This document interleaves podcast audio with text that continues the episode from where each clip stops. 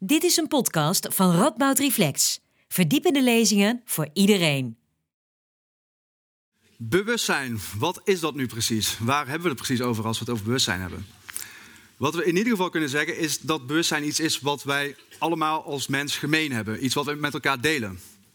Of tenminste, dat neem ik dan aan. Ik neem aan dat ik hier in de zaal niet de enige ben met een bewustzijn. En dat ik hier naar een groep mensen aan het kijken ben zonder enige vorm van bewustzijn. Um, en en dit is natuurlijk een beetje een flauwe opmerking vanuit mijn kant. Maar eigenlijk raakt die opmerking um, direct aan een van de aspecten wat het bewustzijn zo mysterieus maakt. Of wat in het filosofische jargon het harde probleem van bewust, uh, bewustzijn wordt genoemd. Namelijk, um, ik kan niet bij u in de hersenspan meekijken om te zien hoe uw belevingswereld, hoe uw subjectieve belevingswereld eruit ziet. Hoe, hoe, hoe uw binnenwereld eruit ziet. Um, nou, en dat roept gelijk een aantal vragen op natuurlijk ten aanzien van bijvoorbeeld de wetenschap. Uh, de wetenschap die vanuit een buitenperspectief, vanuit het derde uh, persoonsperspectief probeert te verklaren wat bewustzijn is, kan de wetenschap dan eigenlijk nog wel iets nuttigs zeggen over dat bewustzijn wat zo subjectief van aard is. Uh, nou, dit is een van de vele vragen die het, het, het, complexe probleem van het bewustzijn oproept. En vanavond gaan we het daar verder over hebben met de twee sprekers die wij daarvoor hebben uitgenodigd. Uh, allereerst uh, Mark Slors. Mark Slors is uh, cognitiefilosoof en met Jolien Franke, cognitiewetenschapper. En zijn allebei verbonden aan de Radboud Universiteit. zij schreven overigens samen het boek Bewustzijn, verrassende naam. Ehm, onderdeel van de boekenserie Elementaire Deeltjes. die je naar de rand ook kunt aanschaffen als u dat nog niet gedaan hebt. Uh, mijn naam is Nog Flemmix. Ik ben programmamaker bij Radboud Reflex en ik heet u namens Radboud Reflex en de faculteit der Filosofie, Theologie en Religiewetenschappen welkom uh, deze avond. We gaan zo luisteren naar uh, twee lezingen, dus van Mark en van Jolien. Daarna zult u mij weer op het podium zien verschijnen. Dan ga ik met hen in gesprek. En nadien heeft u de ruimte om vragen te stellen. Maar voordat we zover zijn, geef ik eerst het woord graag aan Mark Slors.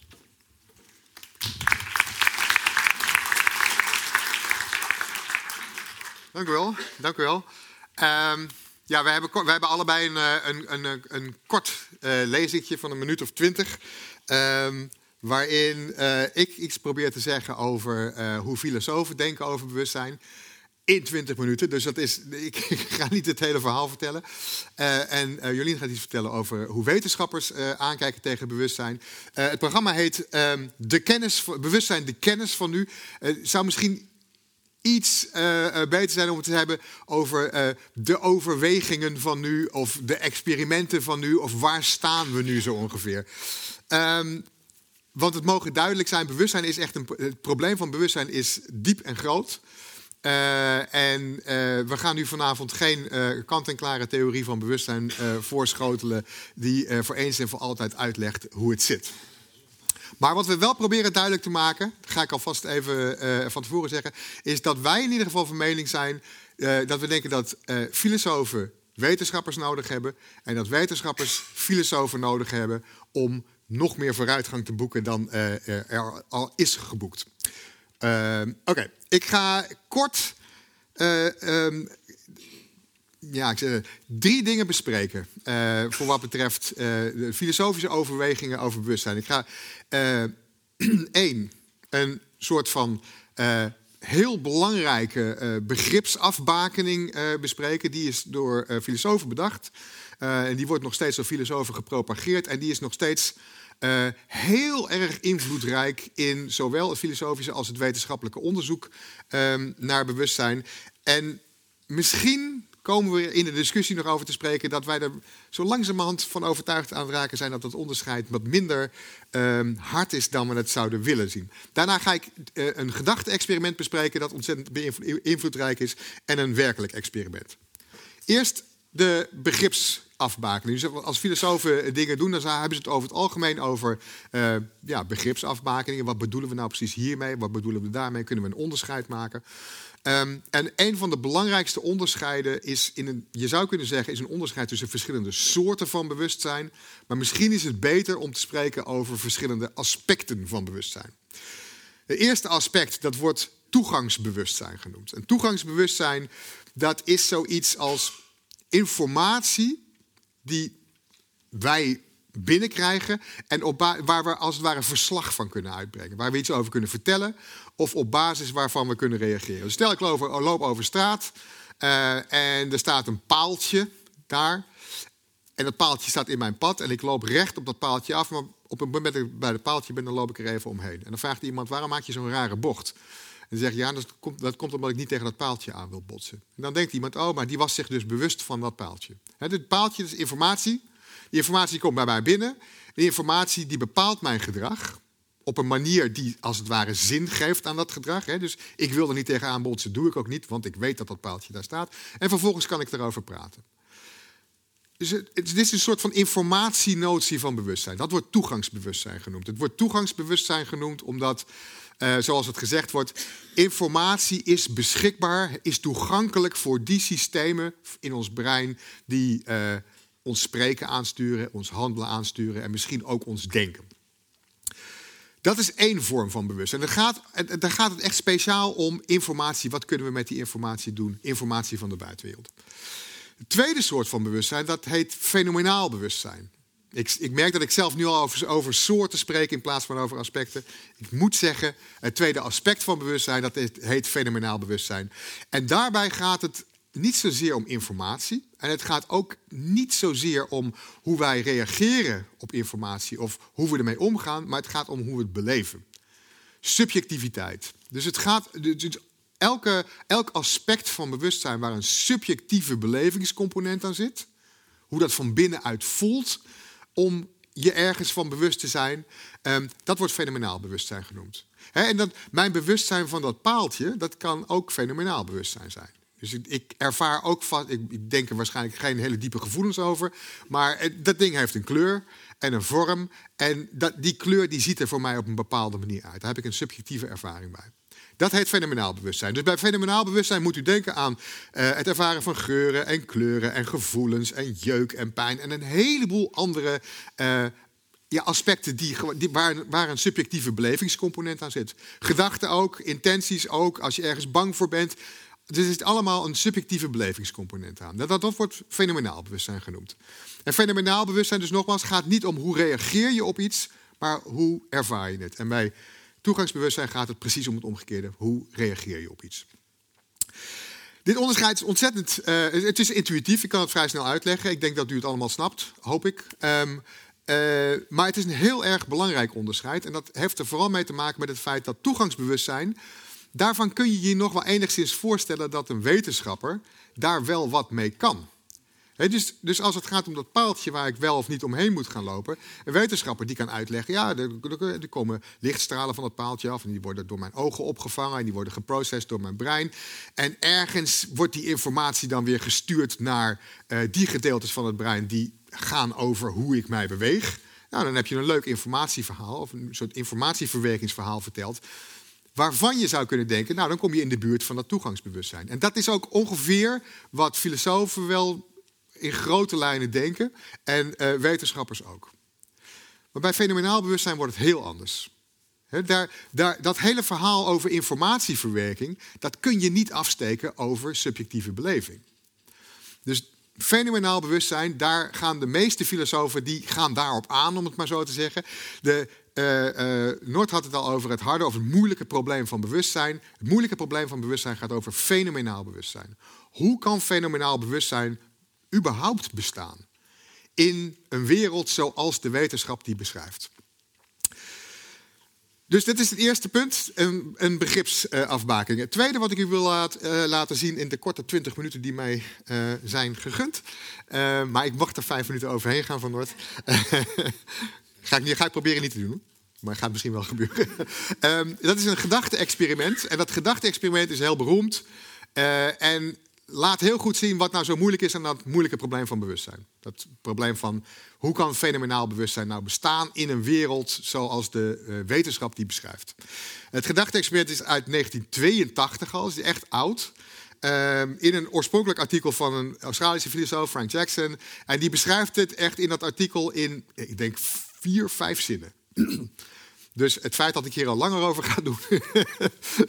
het, ik, ik, wil het toch zo, zo precies mogelijk uitleggen om, om, om, het, om het idee over te brengen. En daarna wil ik wil ik iets zeggen over wat er misschien mis is met dit argument. Ik ga het proberen zo over te brengen dat het, dat het heel overtuigend is. Ehm, het heet het kennisargument, maar het staat ook bekend als What Mary Didn't Know. Mary, u ziet Mary daar, is een, uh, een wetenschapper in de toekomst die alles weet over kleurwaarneming. Alles wat er wetenschappelijk gezien, of je zou kunnen zeggen fysiek gezien, biologisch, chemisch en fysiek gezien te vertellen valt over kleurwaarneming. Dus wat weet ze? Ze weet um, alles over welke lichtfrequenties uh, precies staan voor welke kleuren. Uh, ze weet alles over hoe het oog werkt en hoe die lichtfrequenties door het oog verwerkt worden, door onze kegeltjes en staafjes. En hoe die informatie in de optische zenuw door wordt gestuurd naar de visuele cortex. En ze weet uiteraard ook alles over de visuele cortex en hoe dat allemaal in het brein werkt. Alle fysieke, chemische, biologische informatie die er te weten valt over kleurwaarneming, die weet ze.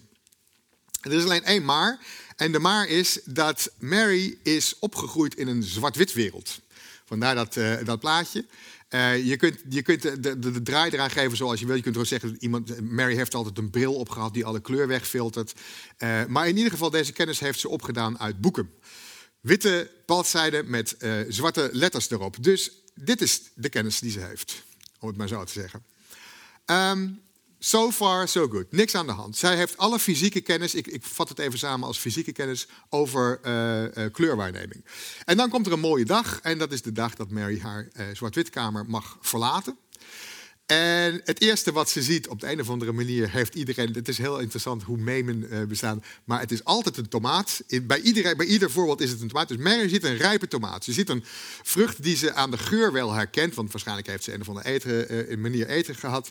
Um, ze ruikt dat dat een tomaat is. En ze weet dat mensen, en dat weet ze uit haar boeken, dat mensen rood, dat, of, uh, rijpe tomaten rood noemen. Ze ziet die kleur voor het eerst en ze, ze roept in opperste verbazing: Oh, dus zo ziet rood eruit.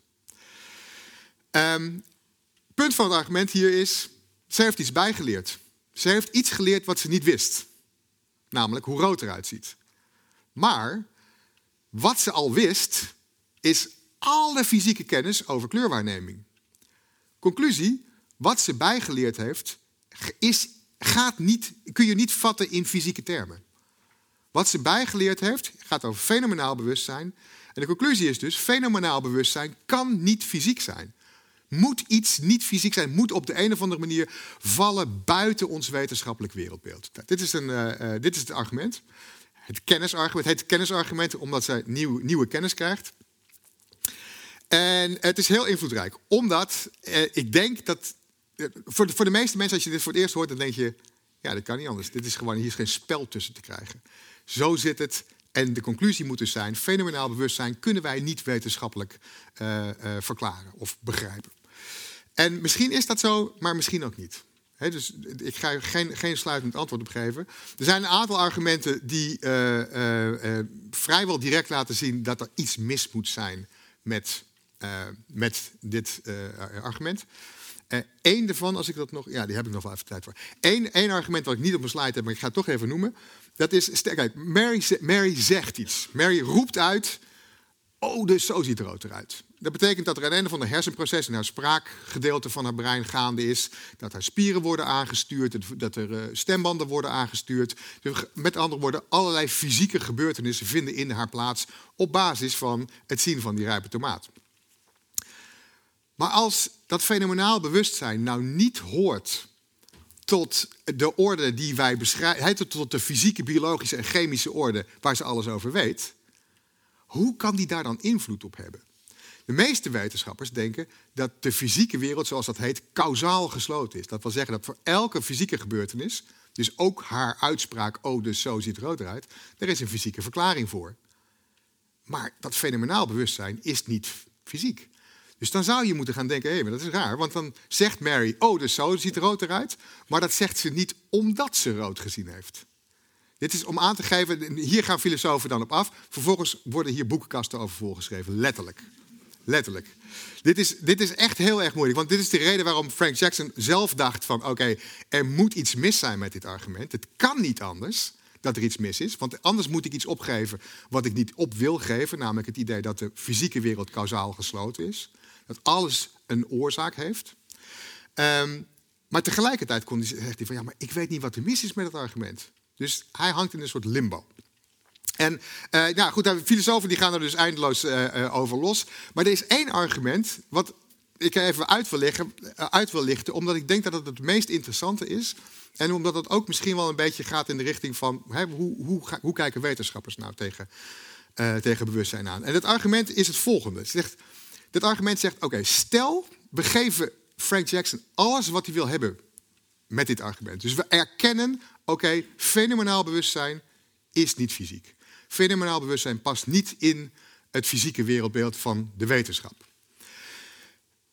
En nu zijn we een aantal jaren verder en nu komt er een, oh, ja, nu komt er een nieuwe Mary. Uh, je kunt er Mary 2 noemen of Myra of wat dan ook. Er zijn verschillende namen voor, maar er komt een nieuwe Mary. En dat is een nieuwe superwetenschapper die alles weet over uh, kleurwaarneming. Dus die weet iets over lichtstralen, die weet iets over hoe het oog werkt, optische zenuw, de hersens. Maar die heeft ook kennis over de niet-fysieke wereld erbij gekregen. Dus laten we het voor het gemak maar even hebben over. Uh, dit, met dit symbool probeer ik ectoplasma aan te geven. Dat is een, natuurlijk is een, ectoplasma is een naam voor wat spiritisten gaven aan de niet-fysieke wereld. ergens in het begin van de 20e eeuw, eind van de 19e eeuw. Stel, stel dat Mary daar ook kennis van heeft. Dus zij weet niet alleen alles wat er fysiek te weten valt over, uh, over kleurwaarneming, maar ze weet ook alles wat er over de niet-fysieke wereld te weten valt over kleurwaarneming.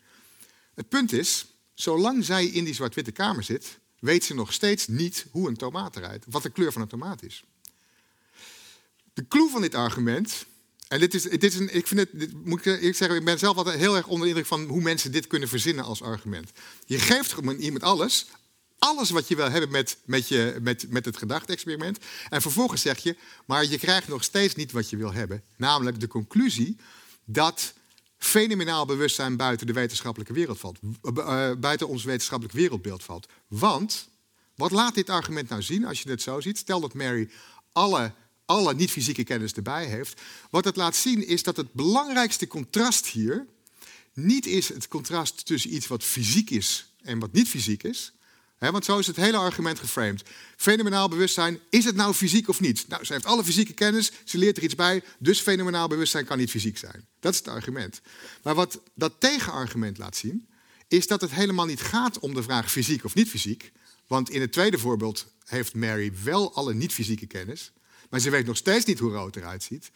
Dus wat dit argument laat zien, is dat het verschil waar het er werkelijk om draait, het verschil is tussen theorie en werkelijke ervaring.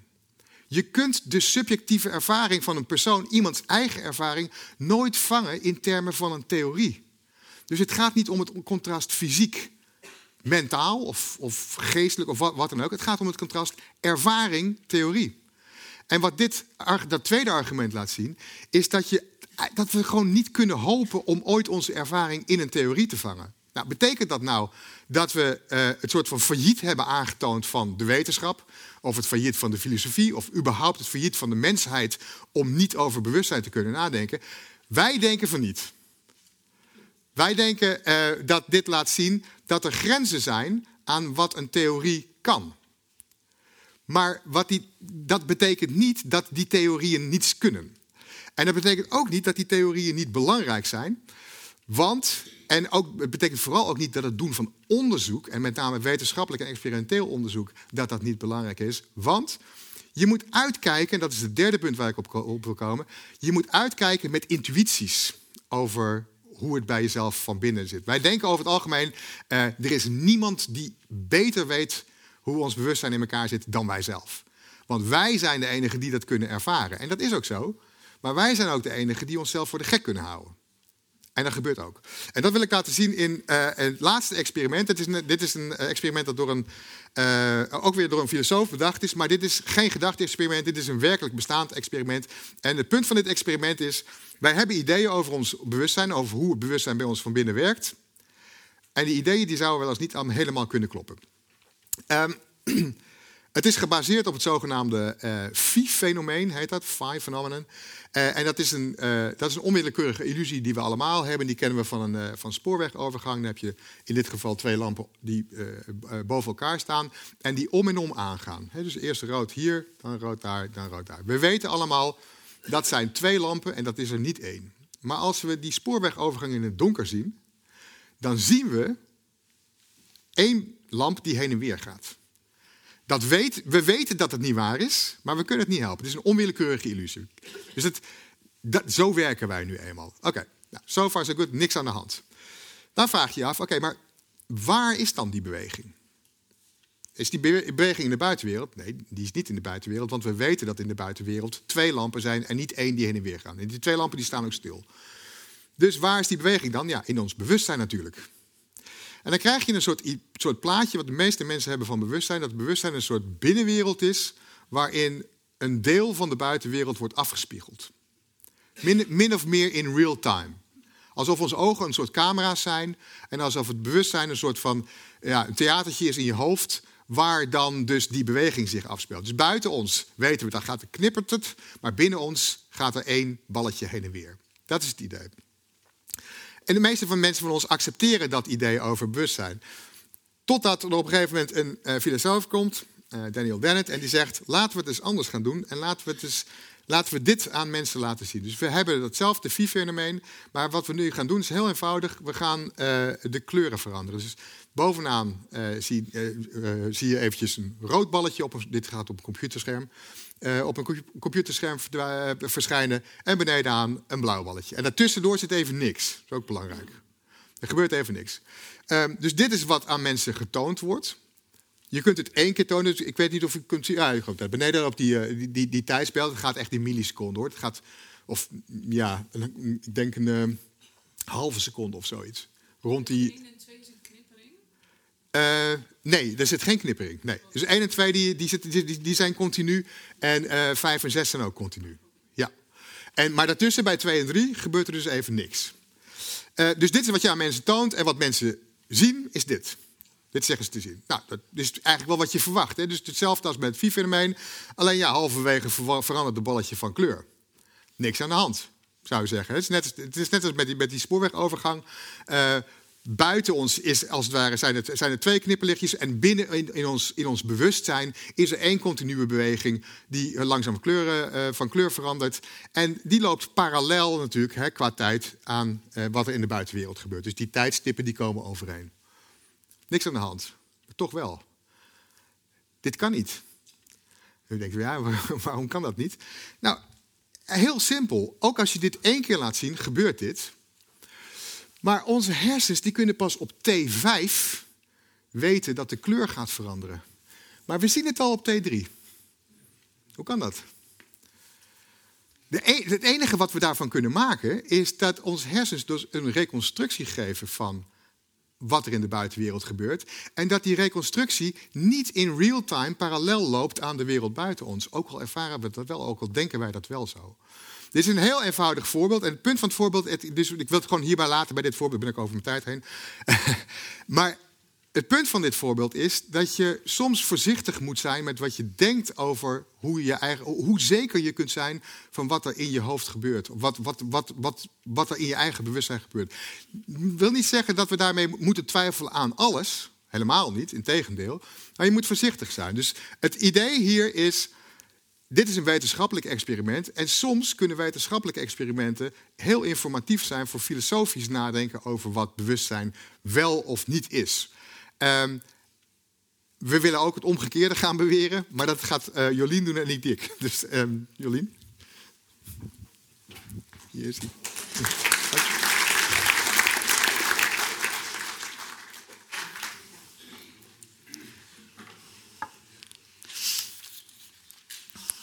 Even, even, even laten bezinken.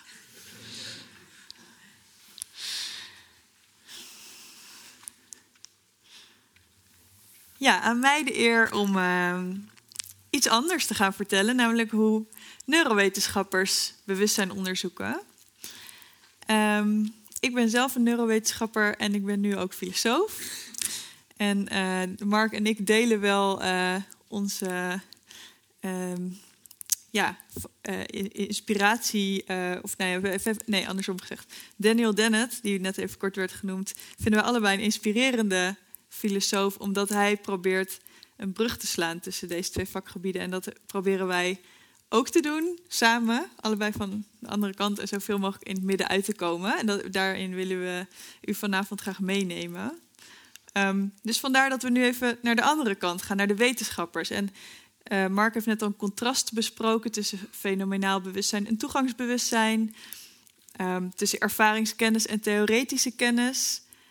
Um, en uh, ik denk heel kort gezegd, ze hebben filosofen de strategie om veel na te denken. En wetenschappers die gaan liever wat doen. Dus ik ga even laten zien wat zij dan gaan doen. En dit is een heel goed voorbeeld ervan. Dit is, uh, uh, we hebben dus een boekje geschreven en toen we dat aan het schrijven waren, twitterde Bernard Baars, een van de grondleggers van het bewustzijnsonderzoek, dit. Dus dat vonden wij heel um, toepasselijk. Um, en ik wil hem graag even uh, voorlezen.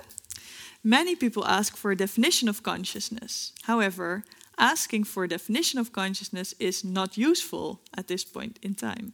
Instead, we have to look at the large set of observable operations that tell us when a person is conscious.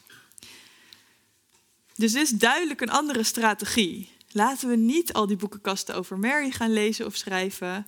Laten we gewoon experimenten gaan doen en kijken hoe het zit. Wanneer is iemand zich ergens van bewust? En wat zien we dan in de hersenen? Nou, mijn verhaal heeft twee delen. Want uh, uh, ik ga vertellen wat neurowetenschappers willen bereiken en hoe ze dat doen. En uh, wat ze willen bereiken is eigenlijk vinden wat de hersenprocessen zijn die specifiek betrokken zijn bij bewustzijn. Um, en dit project heeft dus twee onderdelen. Ten eerste moeten ze voor elkaar krijgen dat ze ja, hun proefpersoon of mensen uh, in een toestand krijgen waarin ze dus zich bewust zijn van iets. Dus daar moeten ze een experiment voor verzinnen. En dan ten tweede moeten ze ondertussen de hersenprocessen van die mensen meten. Dus daar gaan we even over hebben hoe dat gaat. En dit is nog best wel recent, want eigenlijk pas vanaf het begin van nou, rond het jaar 2000 zijn wetenschappers dit echt serieus, redelijk massaal gaan doen. Of nou, het was eerst nog een beetje niche. Um, dus het is allemaal best nieuw onderzoek, zeker vergeleken met de filosofie. Um, en um, wat dus de eerste uitdaging is voor wetenschappers, is ervoor zorgen dat je dus een experiment ontwerpt met een taak, een opdracht voor de mensen die meedoen, de proefpersonen, die ze alleen bewust uit kunnen voeren. Dus um, hoe stel je dat voor? Je kan bijvoorbeeld bedenken: oké, we laten mensen plaatjes zien van gezichten. Dan wil je eigenlijk dat mensen in het ene geval die gezichten bewust waarnemen, maar in een ander geval de gezichten niet bewust waarnemen. Want dan kun je naar het verschil kijken. En dan kun je specifiek kijken, wat is er nou anders als mensen een gezicht bewust zien dan wanneer ze een gezicht onbewust waarnemen. Um, en dit is een heel belangrijke uh, strategie die echt super anders is dan wat filosofen doen. Dus het is echt even omschakelen voor u ook, kan ik me voorstellen. En dit is wel iets wat deze Bernard Baars heeft geïntroduceerd en waar eigenlijk al het onderzoek wat gedaan wordt naar bewustzijn op gebaseerd is. Dat we moeten kijken om te begrijpen wat nou bewustzijn, um, laat ik maar even de term verklaard, in het brein gebruiken.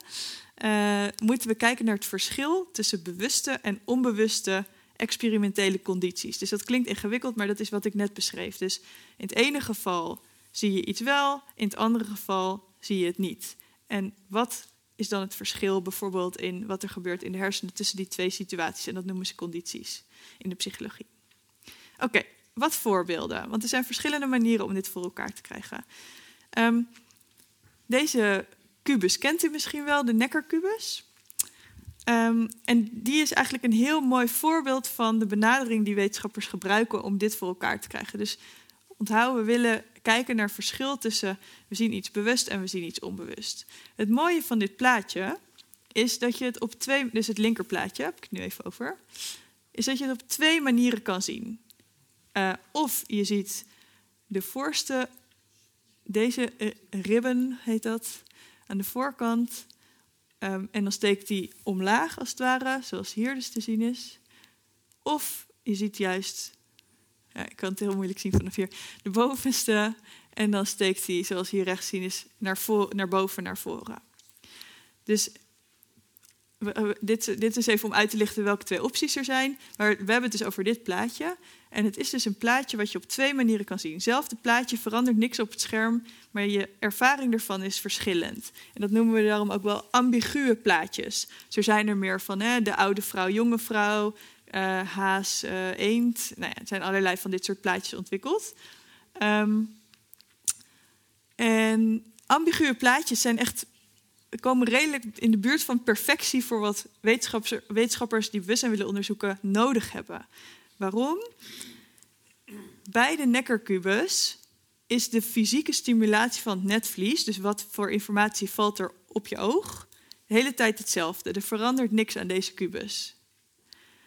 Um, terwijl onze ervaring ervan, namelijk deze dan wel deze, verandert wel. Als je er de hele tijd naar blijft kijken, dan zie je een paar seconden de ene en dan soms wisselt die spontaan naar de andere. Of als je je best doet om te focussen op een ander punt, dan kan die ook wisselen.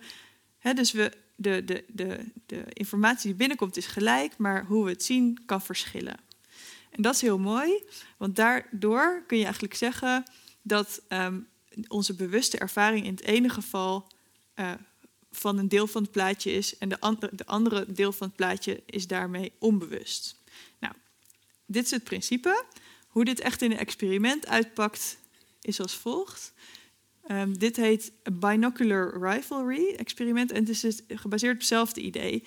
Um, voor het ene oog van deze proefpersoon wordt een plaatje van een huis getoond, voor het andere oog een plaatje van een gezicht. Die komen dus tegelijkertijd binnen. Um, Oké, we gaan even een testje doen. Om te zien waarom, hoe dit werkt. Dus um, even een kleine break. Ik wil even vragen of u allemaal uw uh, rechteroog dicht kunt doen. Linker open ogen. Ja. Goed kijken bijvoorbeeld even naar de rand van het gordijn. Maakt niet uit. Of iets anders. Dan uh, linkeroog dicht, rechteroog open. Wat gebeurt er dan? Het verspringt, toch? Klein stukje. Doe nog maar een keer anders. Ja, dus uh, als het goed is, verspringt het gordijn een klein stukje. En dat is heel mooi van onze hersenen en onze ogen, want daardoor kunnen we diepte zien. Dus onze twee ogen krijgen net verschillende informatie binnen die in de hersenen wordt gecombineerd, waardoor we diepte kunnen zien. En als je dus naar hetzelfde kijkt, namelijk naar het gordijn met je twee ogen, dan worden die twee beelden samengevoegd. Want als je nu gewoon kijkt met twee ogen, zie je niet dat het verspringt, gelukkig. En zie je ook niet een plaatje wat langzaam beweegt, zoals die stoplichten van Mark. Uh, dus hè, dat werkt gewoon zo. Nou, het grappige is, als je dus twee verschillende plaatjes aan de twee ogen laat zien, dan gaat het niet helemaal goed. Wat er gebeurt is niet dat je een soort van combinatie van een huis en een gezicht ziet. Maar je ziet afwisselend het ene plaatje en afwisselend het andere. Je hersenen raken hier echt een beetje van, van slag. Dus wat er gebeurt is een soort competitie tussen die twee, want het kan niet opgelost worden door te combineren. Dus wat er gebeurt is in de tijd zie je eerst een tijdje een huis, dan wisselt het, zie je een tijdje een gezicht, dan wisselt het weer, zie je een tijdje een huis, etc. Dus vergelijkbaar met de ervaring van de nekkerkubus, zie je een tijdje de ene interpretatie van het plaatje dan weer een tijdje de andere. Dit is dus ook weer een heel elegante manier om um, een verschil te uh, induceren bij proefpersonen tussen iets bewust zien en iets onbewust zien. Want het idee is, op je ogen valt de hele tijd dezelfde informatie. Hier verandert niks, terwijl je bewuste ervaring wisselt. Hier ben je bewust van het huis en is het gezicht wordt onbewust verwerkt. Ik kom daar zo nog op terug. Daarna worden de gezichten bewust verwerkt in je hersenen en, de huis, het huis onbewust. Nou, dit is een manier waarop neurowetenschappers een experiment opzetten om te zorgen dat we een bewuste conditie hebben en een onbewuste conditie. En wat ze dan daar vervolgens interessant vinden is kijken, oké, als het huis bewust is, als we ons bewust zijn van het huis, wat verschilt er dan in de hersenen vergeleken met wanneer het gezicht bewust is? Want die huizen, die, de informatie van het huis valt nog steeds op, op het oog, dus het komt wel binnen. Maar wat gebeurt er dan met die informatie waardoor we ons dan niet meer bewust ervan zijn? En het mooie is, uh, cognitieve psychologen en ook cognitieve neurowetenschappers zijn altijd op zoek naar precies alleen datgene variëren in een experiment wat je wil weten. Dus in dit geval is het enige wat verandert je bewuste ervaring. Er verandert niks aan de plaatjes zelf. Oké, nou, dit is één manier om bewustzijn te onderzoeken in een experiment. Om bewuste en onbewuste condities te creëren. En dat willen we. Er zijn ook nog heel veel andere manieren. En ik ga er nog eentje laten zien, omdat die zo leuk is. Uh, wie kent dit plaatje? Even handen. Nou, dat valt heel erg mee. Leuk. Um, ja, uh, de opdracht is... Kijk, kijk naar het scherm, zou ik zeggen. En misschien kun je je hand opsteken als je ziet dat er iets um, opvalt. Niet meteen roepen, want dan weet de rest het ook. En dan weet ik een beetje hoe lang ik door moet gaan. Ja?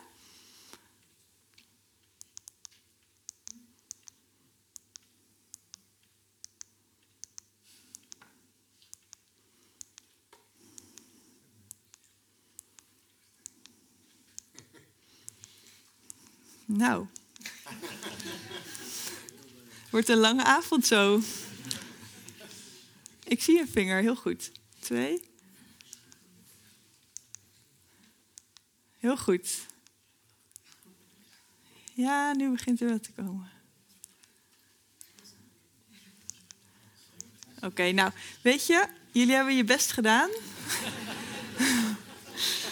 um, ik zal het verklappen. Er is een verschil tussen deze twee.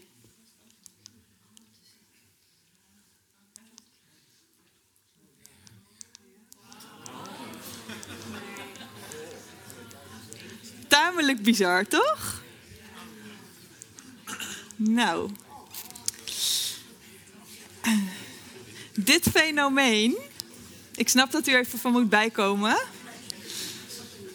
Dit fenomeen heet change blindness. Je snapt nu wel waarom. Um, en dit is eigenlijk een uh, manipulatie, zoals we dat noemen, uh, van aandacht. Dus er zijn heel veel dingen te zien. Je kan niet overal tegelijk aandacht voor hebben. Bovendien zat er een zwart scherm tussen, waardoor je ook een beetje weer bent vergeten wat je zag. Moet je even opnieuw kijken en oriënteren. En daardoor uh, mis je een hele grote verandering. En er zijn allemaal fantastische variaties op dit experiment. Misschien kent u wel het gorilla-experiment. Ja, die wel. Nou, die had ik expres dus niet gedaan. uh, je hebt ook nog het experiment waarbij ze dit hebben gedaan met in levende lijven. Met iemand die dan langsloopt. En dan is de persoon vervolgens gewoon veranderd terwijl die met iemand aan het praten is. Uh, maar goed, het kan ook dus met foto's zoals dit. Onze aandacht is niet op de goede plek gericht. Daardoor missen we iets vrij nou ja, uh, belangrijks dan wel opvallends.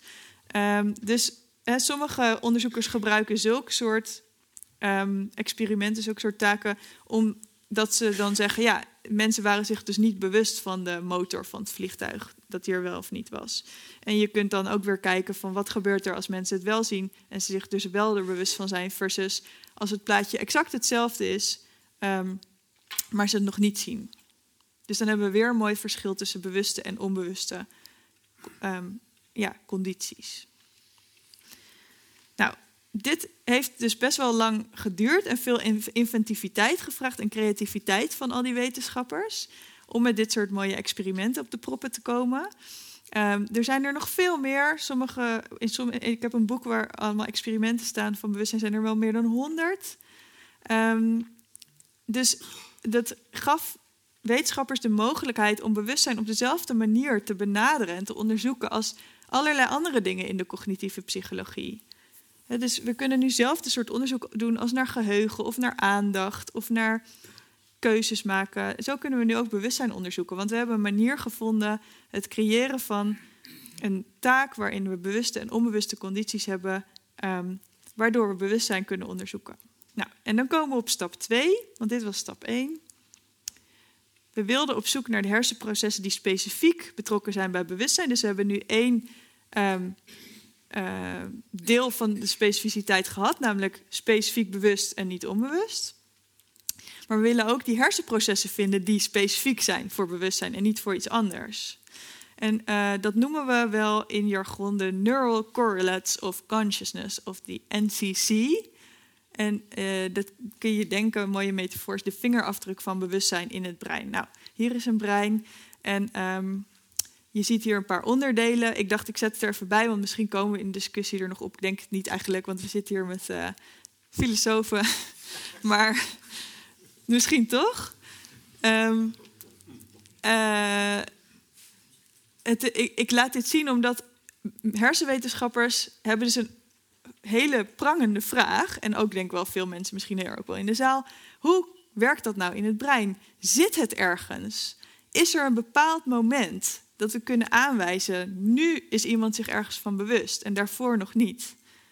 Dus wetenschappers willen heel graag zoeken, wat is nou dat moment of dat gedeelte of dat bepaalde proces wat ervoor zorgt dat we, ons iets, dat we iets bewust waarnemen.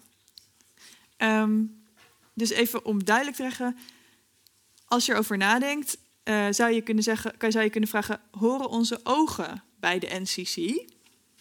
Nou, dan kun je dus een experiment gebruiken, zoals we net hebben gedaan. Dan ga je kijken en dan zie je, als we iets onbewust waarnemen, dan valt de informatie ook op onze ogen, wordt ook verwerkt in onze ogen, wordt zelfs nog wel een stukje verderop verwerkt in onze primaire visuele cortex, in de daar occipitale kwap. Gebeurt ook als we ons bewust van iets zijn, maar ook als we iets onbewust verwerken. Dus de conclusie van neurowetenschappers is dan: de ogen zijn niet de NCC, want die zijn zowel betrokken bij onbewuste waarneming als bij bewuste waarneming. Kunnen we een stukje opschuiven? Bijvoorbeeld dus de allereerste stadia, dus hier in de occipitale kwap, waar de informatie binnenkomt. Is dat de NCC? Nou, we weten, ik zal zo een voorbeeld laten zien, dat ook als we informatie onbewust waarnemen, kan je die wel terugvinden in, het, in de eerste stadia in onze occipitaalkwap. Dus zijn niet specifiek voor bewuste verwerking, dus niet de NCC. Dus je kunt zo een soort van afpellen. En dit is wat neurowetenschappers dus graag willen. Die zijn niet geïnteresseerd in alle stappen die betrokken zijn bij het uh, bewust informatie verwerken. Want daar horen de ogen heus bij. En ook die eerste stadia in de occipitale kwam. Ze willen weten, wat is nou dat hersenproces dat alleen maar betrokken is bij bewuste informatieverwerking en niet bij onbewuste.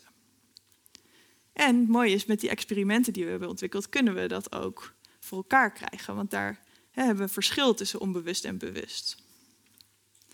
Nou, even een voorbeeldje, want misschien is dit een beetje abstract. Dit is een van de eerste, in ieder geval een van de meest invloedrijke onderzoeken geweest uit 2001 van Stanislas de Hane, een Fransman, en zijn team uh, naar zichtbare en, en uh, ja, onzichtbare woorden. Daar gebruikt ze weer net een ander experimentje voor. Maakt verder niet zoveel uit. Ze zorgde dus voor dat de proefpersonen in het ene geval woorden konden zien. In het andere geval zagen ze de woorden niet bewust. En hij meten, mat ondertussen in de hersenen wat er voor activiteit te zien was in deze beide gevallen.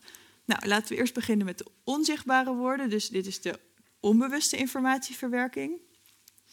Je ziet dat er alsnog wel wat hersenactiviteit is. Dus hier achterin, heel klein beetje hier.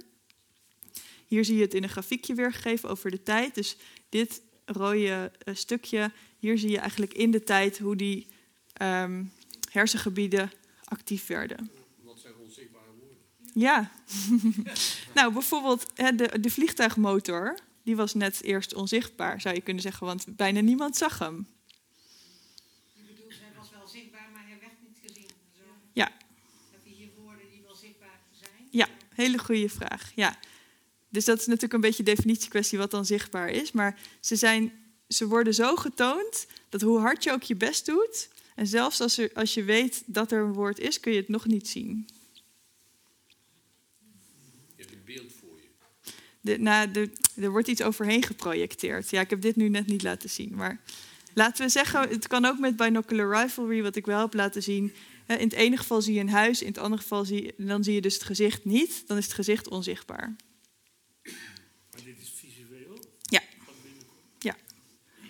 ja. Dus daarom komt het ook in de, in de occipitaalkop waar visuele verwerking plaatsvindt. Dus één heel boeiende bevinding en, en best wel baanbrekend in die tijd was dus... zelfs voor onbewuste informatie die je niet ziet...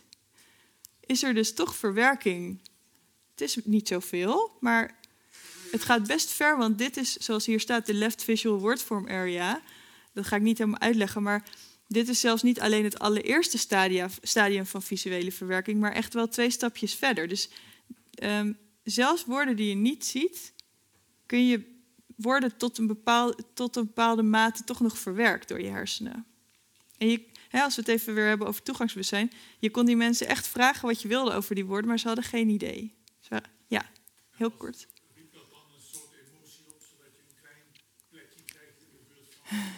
Ja, nee, dat, eh, daar weet ik de details niet van. Dat is wel een goede vraag. Maar als het goed is niet, want het waren geen emotiewoorden. Oké, ja, dus het eerste belangrijke is... hier zie je dus ook onbewuste informatie wordt toch eh, een beetje verwerkt. Dat was, vond was heel interessant. En daar is een heel onderzoeksprogramma uit voortgekomen. Ik ga eerst even verder. Ehm, maar wij waren geïnteresseerd in de NCC. Nou, de NCC zou de Hane zeggen op basis van deze ene studie, en hij heeft er nog heel veel meer gedaan, en hij zegt denk ik nog steeds ongeveer, de NCC is dus eigenlijk het verschil tussen deze groene en deze oranje eh, kleurtjes. Dus als je deze hiervan aftrekt, dan heb je wat de NCC is. Want dat is precies het verschil tussen bewuste en onbewuste waarneming van woorden. Ehm, en je ziet ook dat hier dit dat zie je in het grafiekje ook, dat de hersenactivatie veel sterker is voor bewust te worden. Dus er is veel meer verwerking, het is sterker. Het komt dus ook verder in de, in de hersenen, het is meer verspreid. Het komt ook in andere gebieden terecht, in de frontaalkwap en in de parietaalkwap.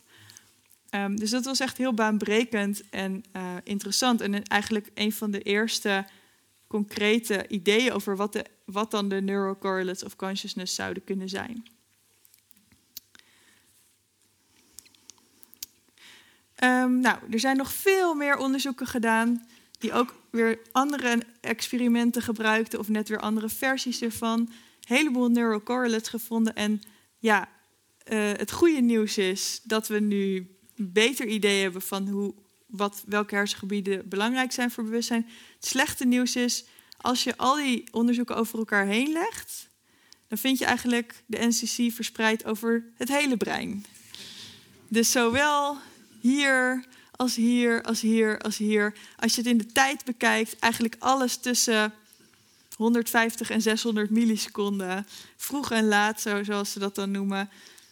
Dus dat is ook wel weer jammer, want we hebben eigenlijk niet echt een duidelijk antwoord op de vraag. Um, dat is de kennis van nu. En daar kun je eigenlijk op drie manieren tegenover staan. En daar wil ik mee eindigen voor mijn stukje. Je kunt optimistisch zijn en zeggen: Ja, we zijn dus nog maar twintig jaar bezig. Dus wacht gewoon nog even. En over tien jaar weten we wat de NCC is. Je kunt pessimistisch zijn en zeggen: Ja, dat hele wetenschappelijk onderzoek. Als we het hele brein vinden, eigenlijk in verschillende studies, heeft dit dan wel zin om te doen? Want wat leren we daar dan nou van? En je kunt een middenweg kiezen, een pragmatische middenweg. En dat is Misschien uh, moeten we even terug naar Bernard Baars. Die zei, maar we hebben geen definitie van bewustzijn nodig. We kunnen het gewoon gaan onderzoeken. Misschien moeten we te raden gaan weer bij de filosofie. En eerst toch nog even wat beter bedenken, nadenken. Wat is nou onze definitie van bewustzijn? Welke aspecten zijn er? Um, zijn er misschien um, verschillende aspecten van bewustzijn die in verschillende studies onderzocht worden, waardoor we ook verschillende resultaten krijgen. Dus Mark eindigde met uh, de boodschap dat de filosofie wetenschap en wetenschappelijk onderzoek nodig heeft. En ik eindig met de boodschap dat het neurowetenschappelijk onderzoek naar bewustzijn op dit moment filosofie nodig heeft.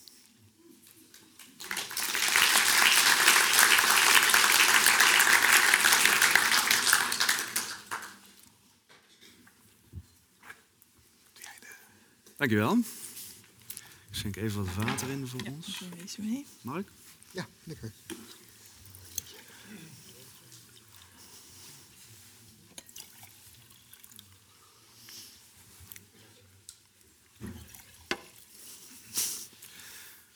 Dankjewel voor jullie, eh, voor jullie inbreng. Eh, jullie lezingen. Interessant. Meer dan genoeg stof om over eh, door te praten, denk ik.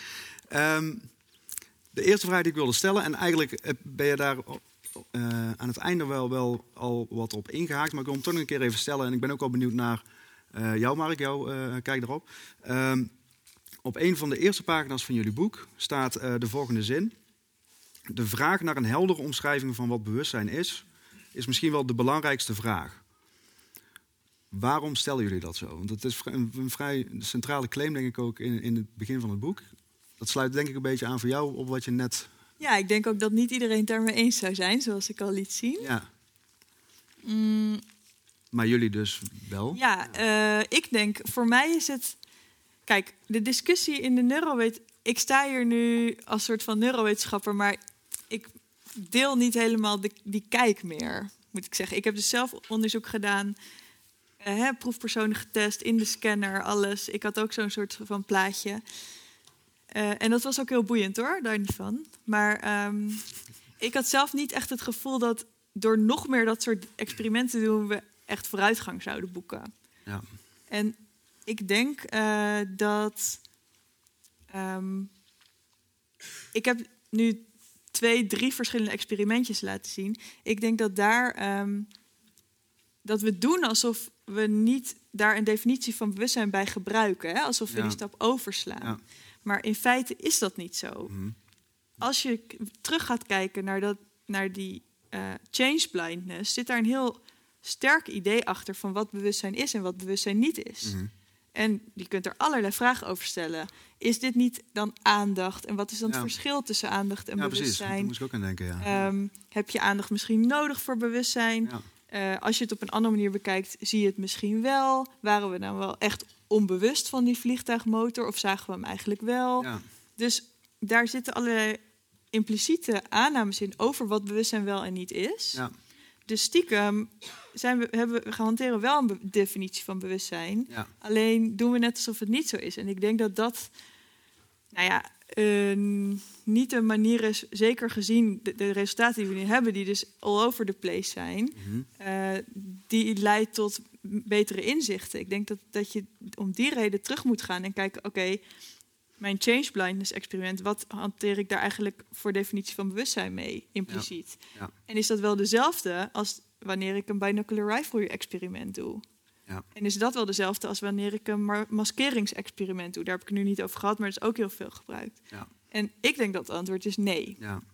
En ik denk dat daar heel veel van die diversiteit aan bevindingen uit voortkomt. Hm. En niet uit waar wetenschappers het over hebben. Van ja, maar in jouw studie eh, had je net een ander plaatje laten zien. En misschien eh, heb je het net op een andere manier gemeten. En misschien heb je niet gecontroleerd voor de juiste factor. En die gaan heel erg op een methodologische tour om die verschillen te verklaren. Ik denk dat je veel meer eh, naar, naar een conceptueel niveau moet. Ehm, en dat dat dus ook heel erg kan helpen om wel vooruitgang te boeken. Want als je dat laat zien, Ja. dan, is het ook, dan kan je ook zeggen: Oké, maar jij onderzoekt dus eigenlijk dit aspect. Ja. hey, zij onderzoeken ook dit aspect. Misschien moeten we die studies dan vergelijken. Mhm. Eh, en niet change blindness en binocular rifle. Ja. Ja. Ja. Ehm, Mark? Ja, ik heb er eigenlijk heel weinig aan toe. Ik ben het daar helemaal mee eens. ik ben er helemaal saai. eens. Nee, nee, maar de, de- misschien dat ik aan toe zou kunnen voegen van, van eh, het is nog een hele klus om dan vervolgens uit te vinden en woorden te geven aan wat die verschillende noties van bewustzijn dan zijn. Hè? Dus Mhm. ik, ik noemde even het verschil tussen eh, fenomenaal en toegangsbewustzijn. Ja. En dat kun je vrij snel uitleggen. Ja. Eh, en het is een vrij hard en duidelijk verschil.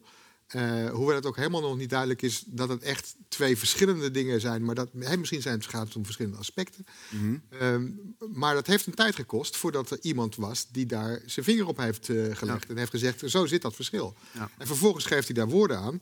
En dan blijkt het opeens heel invloedrijk, dan gaat iedereen het overnemen. En wat wij eigenlijk willen zeggen is, dat zou je nou ook moeten doen door naar die verschillende studies te kijken. En dan blijkt het misschien een veel fijnmaziger verschil, eh, of eh, veel, veel fijnmaziger verschillen eh, te zijn. En dat kost werk, dat kost Ja. filosofisch werk. Ja. En ik denk dus dat het, dan zou het dus goed zijn voor filosofen om ook die experimenten te bestuderen. Mm. Hè, en, en te kijken van, eh, ja, kunnen wij nou de woorden aangeven van wat daar nou precies gemeten wordt en hoe dat verschilt van wat er gemeten wordt in een ander experiment. Ja, en ik wil daar wel nog wat aan toevoegen. Want jij doet nu net alsof dat fenomenaal en toegangsbewustzijn heel simpel en evident voor iedereen. Maar dat is dus niet zo. Want ik was vorige zomer op de bewustzijnsconferentie voor neurowetenschappers. Die was toen in Amsterdam. En eh, nou ja, heel kort, Stanislas de Hane, die dat plaatje dat ik net liet zien, die zei altijd: Mijn studies gaan over toegangsbewustzijn. Want dat is wat ik kan onderzoeken. En hij zei: Ik denk dat als we dat goed weten, dat we vanzelf ook fenomenaal bewustzijn begrijpen. Maar goed, dat was van later zorg. Nou, tot mijn verbazing, vorige zomer in Amsterdam zegt de Haan opeens: Ik bestudeer ook fenomenaal bewustzijn. Nou, is echt niet dat hij iets anders is gaan doen, maar wel dat de definitie opeens wat is opgerekt. Ja. En dat ehm, hij nu ook zegt: Oh, maar eigenlijk wat ik doe is ook fenomenaal bewustzijn. Dus dat is niet een soort van nieuw inzicht. Mhm. Dat is puur een eh, begripsverandering eigenlijk, waar ze niet eh, open over zijn. geweest. Heeft hij Ja, niet, dat ja, heeft hij niet verkondigd, zeg maar. Dus ehm, de, wij kwamen er ook achter toen wij eh, hieraan werkten, Mhm. dat de definities van zel- dus niet alleen van bewustzijn zelf, maar ook van fenomenaal bewustzijn bijvoorbeeld, verschilt. Niet, ook Ja. binnen de filosofie, maar Ja. zeker ver- van- eh, vergeleken met de neurowetenschappen. Ja, oké. En neurowetenschappers denken dat ze fenomenaal bewustzijn onderzoeken zoals filosofen definiëren, maar dat is niet zo. Dus dat maakt het ook nog eens super complex. Zelfs binnen de verschillende definities hebben we weer een definitieprobleem eigenlijk. Ja. Ehm, nou goed, we, hebben het dus over verschillende definities, verschil- verschillende aspecten van, van bewustzijn. Ehm, goed, we hebben het nu over fenomenaal toegangsbewustzijn bijvoorbeeld. We hebben het ook over bijvoorbeeld neurowetenschappers en filosofen die dit onderscheid maken. Maar in, in het dagelijkse leven, laat ik het allemaal zo even eh, eh, verwoorden, ehm, spreken we vaak in termen van het bewustzijn. We- we hebben één bewustzijn en daar, daar vinden we minder het onderscheid. Hoe komen we dan als, als samenleving op dat idee dat er één bewustzijn is? En blijken we, lijken we dat onderscheid eigenlijk niet zo te maken? Ik denk dat dat, een, dat dat gewoon een soort cultuurhistorische eh, achtergrond heeft. In onze cultuur maken wij dat onderscheid op die manier. Er zijn andere culturen waarin andere onderscheiden gemaakt Ja. worden. En bij ons is dat, denk ik, heel rechtstreeks terug te voeren op het, eh, op het, het idee van een ziel. Hè, Dus het verschil tussen ziel en lichaam. En het bewustzijn zit in de ziel. Eh, en dat is dus één ding. Ja, En dus alle aspecten van bewustzijn, eh, die, die moeten we op de een of andere manier bij elkaar zien te knopen. eh, want het hoort bij datzelfde ding. Dus ik denk eigenlijk dat je, dat, dat je op, een, op een bepaalde manier het oude, het oude concept van de ziel, dat vind je gewoon nog keihard terug in de heden- hedendaagse neurowetenschap. In de veronderstelling dat ze het allemaal over hetzelfde hebben. ja, ja. Dus ik, ik denk dat heel veel, heel veel neurowetenschap nog heel erg hangt aan een, aan een conceptueel schema, wat niet past bij het eigen wereldbeeld. Mm. ja, Op een hele rare manier. ja. Ik weet trouwens ook niet zeker of we in het dagelijks leven altijd bewustzijn als één ding zien, eerlijk gezegd. Ik Ja. denk dat we ook wel, maar niet dat we daar dan de hele tijd over aan het praten zijn, maar dat misschien als je er een tijdje over nadenkt, dat je toch ook wel verschillende aspecten ervan op de voorgrond staan. Of Mm. We, in ieder geval, daar hebben wij het nu niet over, maar je hebt natuurlijk verschillende niveaus van bewustzijn. Hè? Dus of je slaapt of wakker bent, Ja. bijvoorbeeld. ja. Eh, daar hebben we wel gradaties in. Maar ook hoe goed we iets zien of niet. Of ik denk als je misschien, dan moet, moeten we eigenlijk een taalwetenschapper erbij hebben. Als je analyseert hoe Ja. we erover praten, misschien is, is, het wel, is het wel genuanceerder dan dat. Ja, ik, heb, ik heb het even gegoogeld. Toevallig, ik dacht van als je naar bewustzijn googelt, wat krijg je dan? Ja. Het eerste wat ik kreeg was de vraag: heeft een boom een bewustzijn? Hmm. Dus, en, en dan ga je vervolgens kijken naar, eh, eh, naar hoe mensen dat woord gebruiken. En dat woord een, dat komt er heel Ja. vaak voor. Dat is grappig. En dat suggereert toch dat het een soort ding is, Dat wel. eh, wat weliswaar in verschillende toestanden kan zijn. En eh, eh, min of meer bewust kan zijn. En, verschillende, maar het is toch wel een bewustzijn. Ja. En heel veel mensen praten ook over een, een bewustzijn. Ja, ja. Ehm, nou ja, de- je, haalt nu het voorbeeld aan, heeft een boom bewustzijn. Eh, ook in jullie boek heb je, een aantal, eh, jullie, jullie benoemen een aantal stromingen eigenlijk. Of, eh, dat zijn niet echt definities, maar bepaalde tradities of stromingen hoe je naar het bewustzijn kunt kijken. Ik geloof dat, dat wat jij, of het idee een boom heeft bewustzijn, dan kom je op, op, op ik heb het opgeschreven, panpsychisme uit, denk ik. Dan zou je dat misschien kunnen veronderstellen. Jullie noemen nog een paar andere stromingen. Ik ben wel benieuwd naar wat, wat is nou jullie persoonlijke eh, voorkeur, of voorkeur, waar, waar neigen jullie het meest naar als het gaat om een definitie of een kijk op, op dat bewustzijn? Eerst. Niet. Of mag Ik heb wat tijd om na te denken. Nee, nee, ik weet hem al hoor. Jij weet het al. nou, ik, eerlijk gezegd ben ik wetenschapsfilosoof geworden of filosoof geworden om hier niet per se een antwoord op te hoeven geven. Maar als je het dan. als, ik, als, je, het dan- als ik het dan toch zou vragen. Je gaat er toch niet aan ontkomen.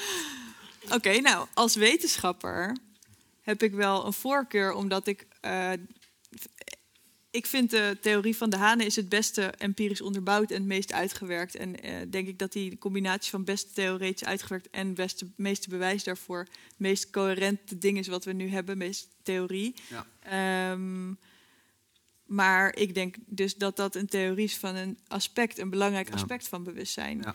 Dus ik vind het ook een beetje tegenstrijdig om ze tegenover elkaar te zetten, omdat dat suggereert dat er dan één de juiste is. Ja, precies. Ja. Ehm, wat ik juist eigenlijk tegen wil gaan. Ja. Ik denk eigenlijk dat er ook andere theorieën zijn die ook heel erg goed recht doen aan bepaalde bevindingen, maar die gaan misschien dan net over iets anders. Dus dat, ja, ja, ik snap het. Ja, eh, ik heb wel een reden voor mijn eh ja, ja, ja.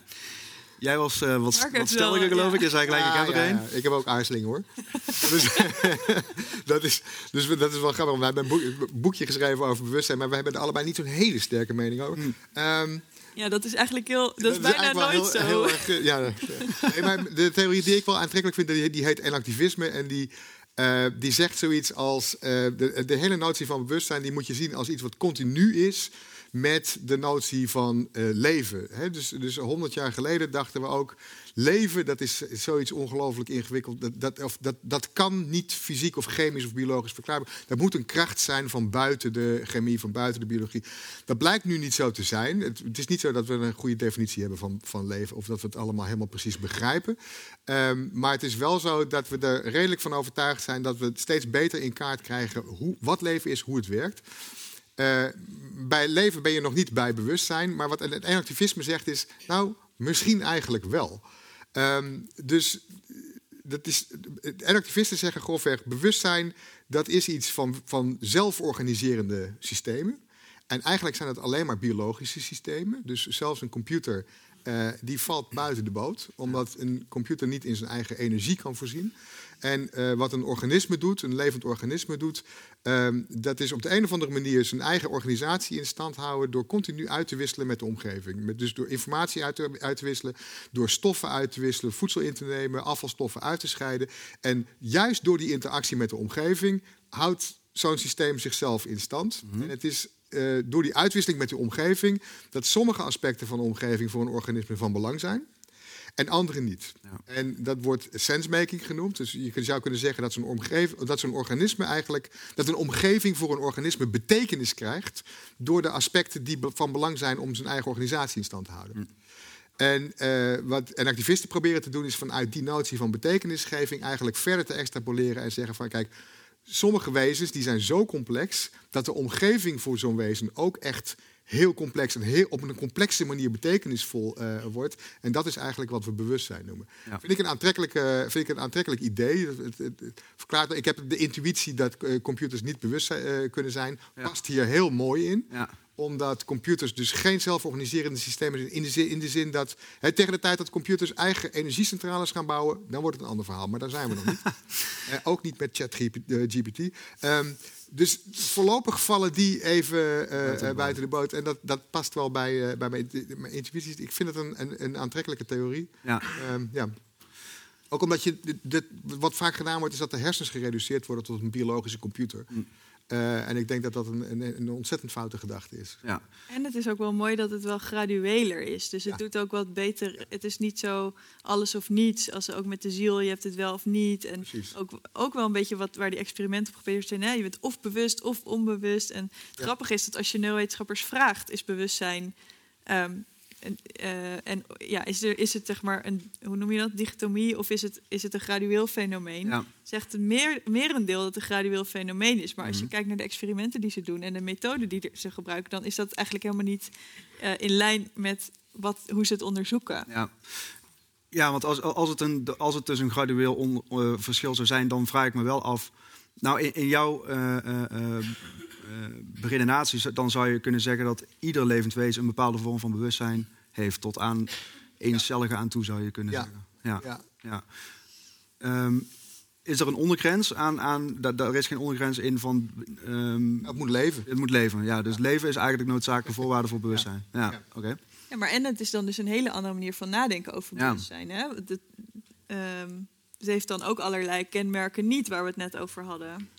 Als je dan weer fenomenaal versus toegangsbewustzijn erbij haalt, dat kan daar, het past daar helemaal niet zo goed op. Of je, moet, of je moet gaan denken dat het onderscheid tussen eh, fenomenaal en toegangsbewustzijn te hard gemaakt is. Hè? Want dat, dat toegangsbewustzijn, dat wordt heel sterk.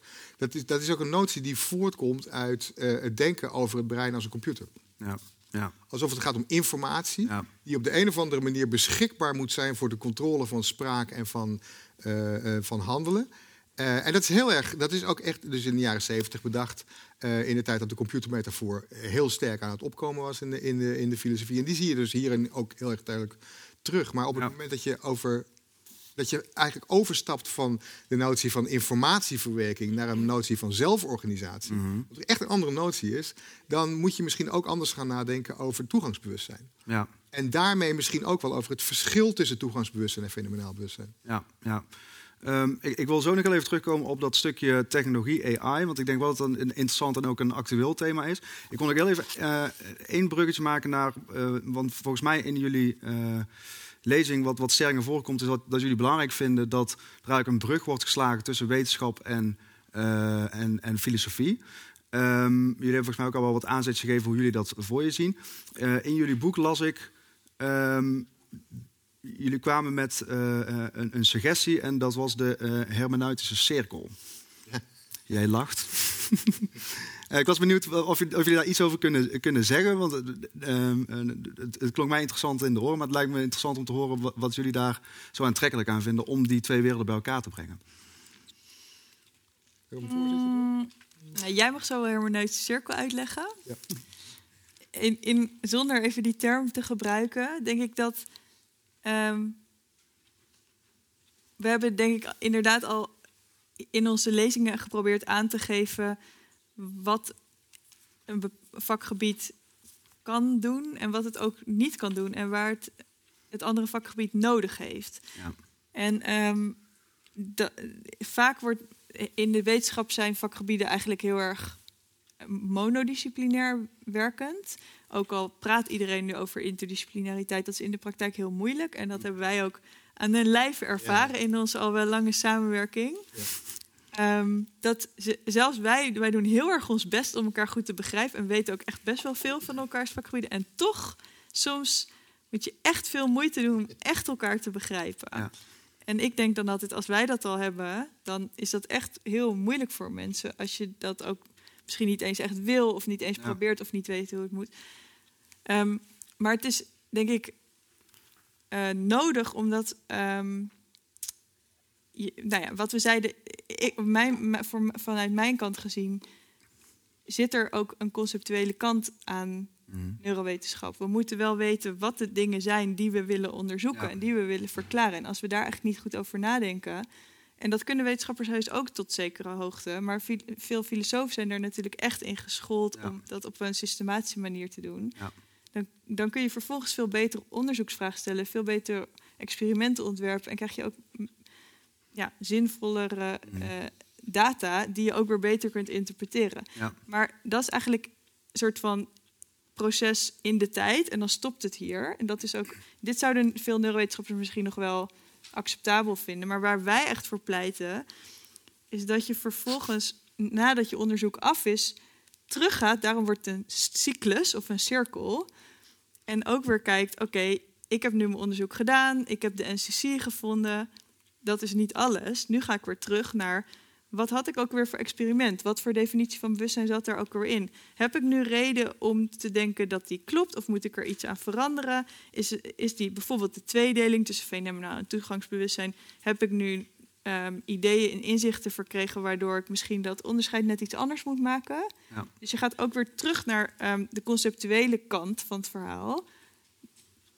Update die en dan ga je weer een nieuw experiment verzinnen. En daardoor krijg je eigenlijk een soort wisselwerking. Ja. je kunt het ook op andere manieren beschrijven.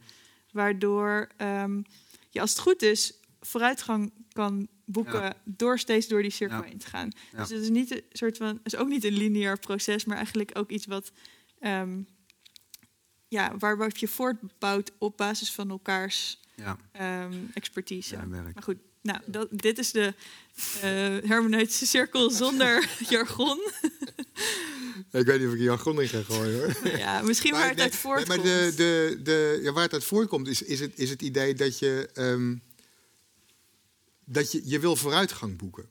En eh, eh, zoals wij de, de afhankelijkheid van filosofie en wetenschap hebben geschetst, dan lijkt het alsof we weliswaar in een cirkel zitten, maar dat die cirkel eigenlijk vicieus is en dat je gewoon vast zit. Hè? we, Dus hebben je, geen, we hebben geen gefixeerd punt waar je kan beginnen. Nee, nee het is geen, je, kunt, je kunt zeggen van eh, ja, eh, de filosofen die moeten eerst met heldere concepten komen en dan kunnen de wetenschappers aan de slag daarmee. Want die wetenschappers die hebben die heldere concepten niet. Want die, die gooien alles op één hoop en dan, dan, dan blijkt de NCC het hele brein te zijn en dan weet je niks.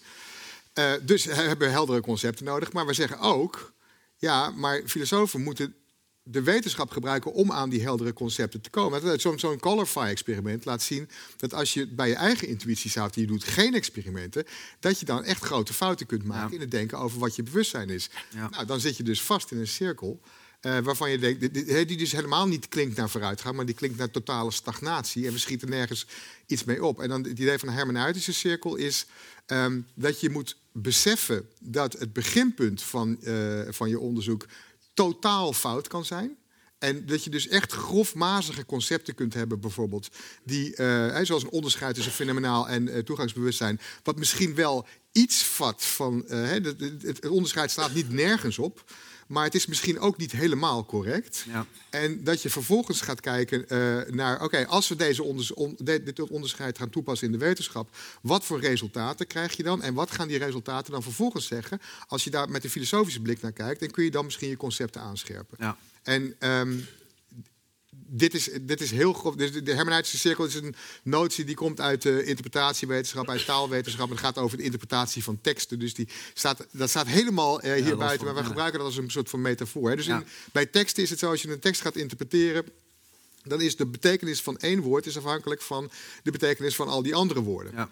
Eh, dus dan kun je wel zeggen van ja, eh, ik wil eerst precies weten wat ik met dit woord bedoel. En dan pas kan ik verder gaan kijken naar wat, ik met, wat al die andere woorden betekenen. Maar als die betekenis van dat ene woord afhankelijk is van die andere, dan schiet dat niet op. Ja. Dus wat je dan doet, is dat je begint met een grofmazige definitie waarvan je weet dat die waarschijnlijk niet klopt. En zeggen, stel dat die dit betekent. Je haalt gewoon een woordenboek bij. Als dit woord dat deze specifieke betekenis heeft, dan moeten we de tekst zo interpreteren. Dan heb je een wazig beeld van wat die hele tekst betekent. En dan kun je met dat wazige beeld iets beter kijken naar het ene woord. Dan kun je zeggen, oh, nu zie ik dat ik hem toch iets anders had moeten interpreteren. Dan geef je er een iets betere woord, eh, bet- betekenis aan. En dan krijgt die tekst iets meer coherentie. En met die nieuwe, dat nieuwe beeld van die hele tekst kijk je weer naar, de- naar dat woord. Zo, die cirkel, zo, Ja. dat, zo stellen wij de verhouding tussen filos- filosofie en wetenschap voor. Ja. Maar mag ik nog één dingetje over zeggen wat wel belangrijk Ja, want is? dan gaan we naar de vragen. Want het klinkt misschien wel vanzelfsprekend als we het zo vertellen, maar wat er op dit moment aan de hand is in het bewustzijnsonderzoek is eigenlijk precies het omgekeerde. Mensen willen eigenlijk wat ze ook vinden, dat toch proppen ze dat in dat bestaande framework wat we nu hebben. Dus het is helemaal niet van, oh, misschien moeten we dat een beetje updaten, want het is misschien niet helemaal correct. Nee, we Ja. houden heel stevig vast aan dat fenomenaal versus toegangsbewustzijn. Ja. Proberen daar alles Ja. in te proppen. En daardoor verliezen die termen dus ook weer aan betekenis. Dus, we, dus, dus wat wij nu beschrijven is echt wel radicaal anders dan ehm, hoe er standaard gedacht wordt, denk ik, over, ehm, over hoe filosofie en ne- neurowetenschap kunnen samenwerken. Ja. Ik, eh, ik zie dat we over de tijd zijn. Eh, er zijn nog veel vragen, kan ik me voorstellen. Ehm, die kunt u ook nog stellen aan de bar. Er is straks in het cultuurcafé, dat is geopend. Dus als je nog wil blijven eh, hangen om een drankje te doen, dan kan dat. Ehm, dank sprekers voor, voor jullie komst. Dankjewel. Ehm, U misschien tot de volgende keer. Eh, zoals gezegd, eh, de boeken, eh, het boek moet ik zeggen, is ook aanwezig. Dus wellicht, mocht u geïnteresseerd zijn, kunt u dit aanschaffen. Eh, zo niet, ook prima uiteraard. En nou, misschien tot aan de bar. Fijne.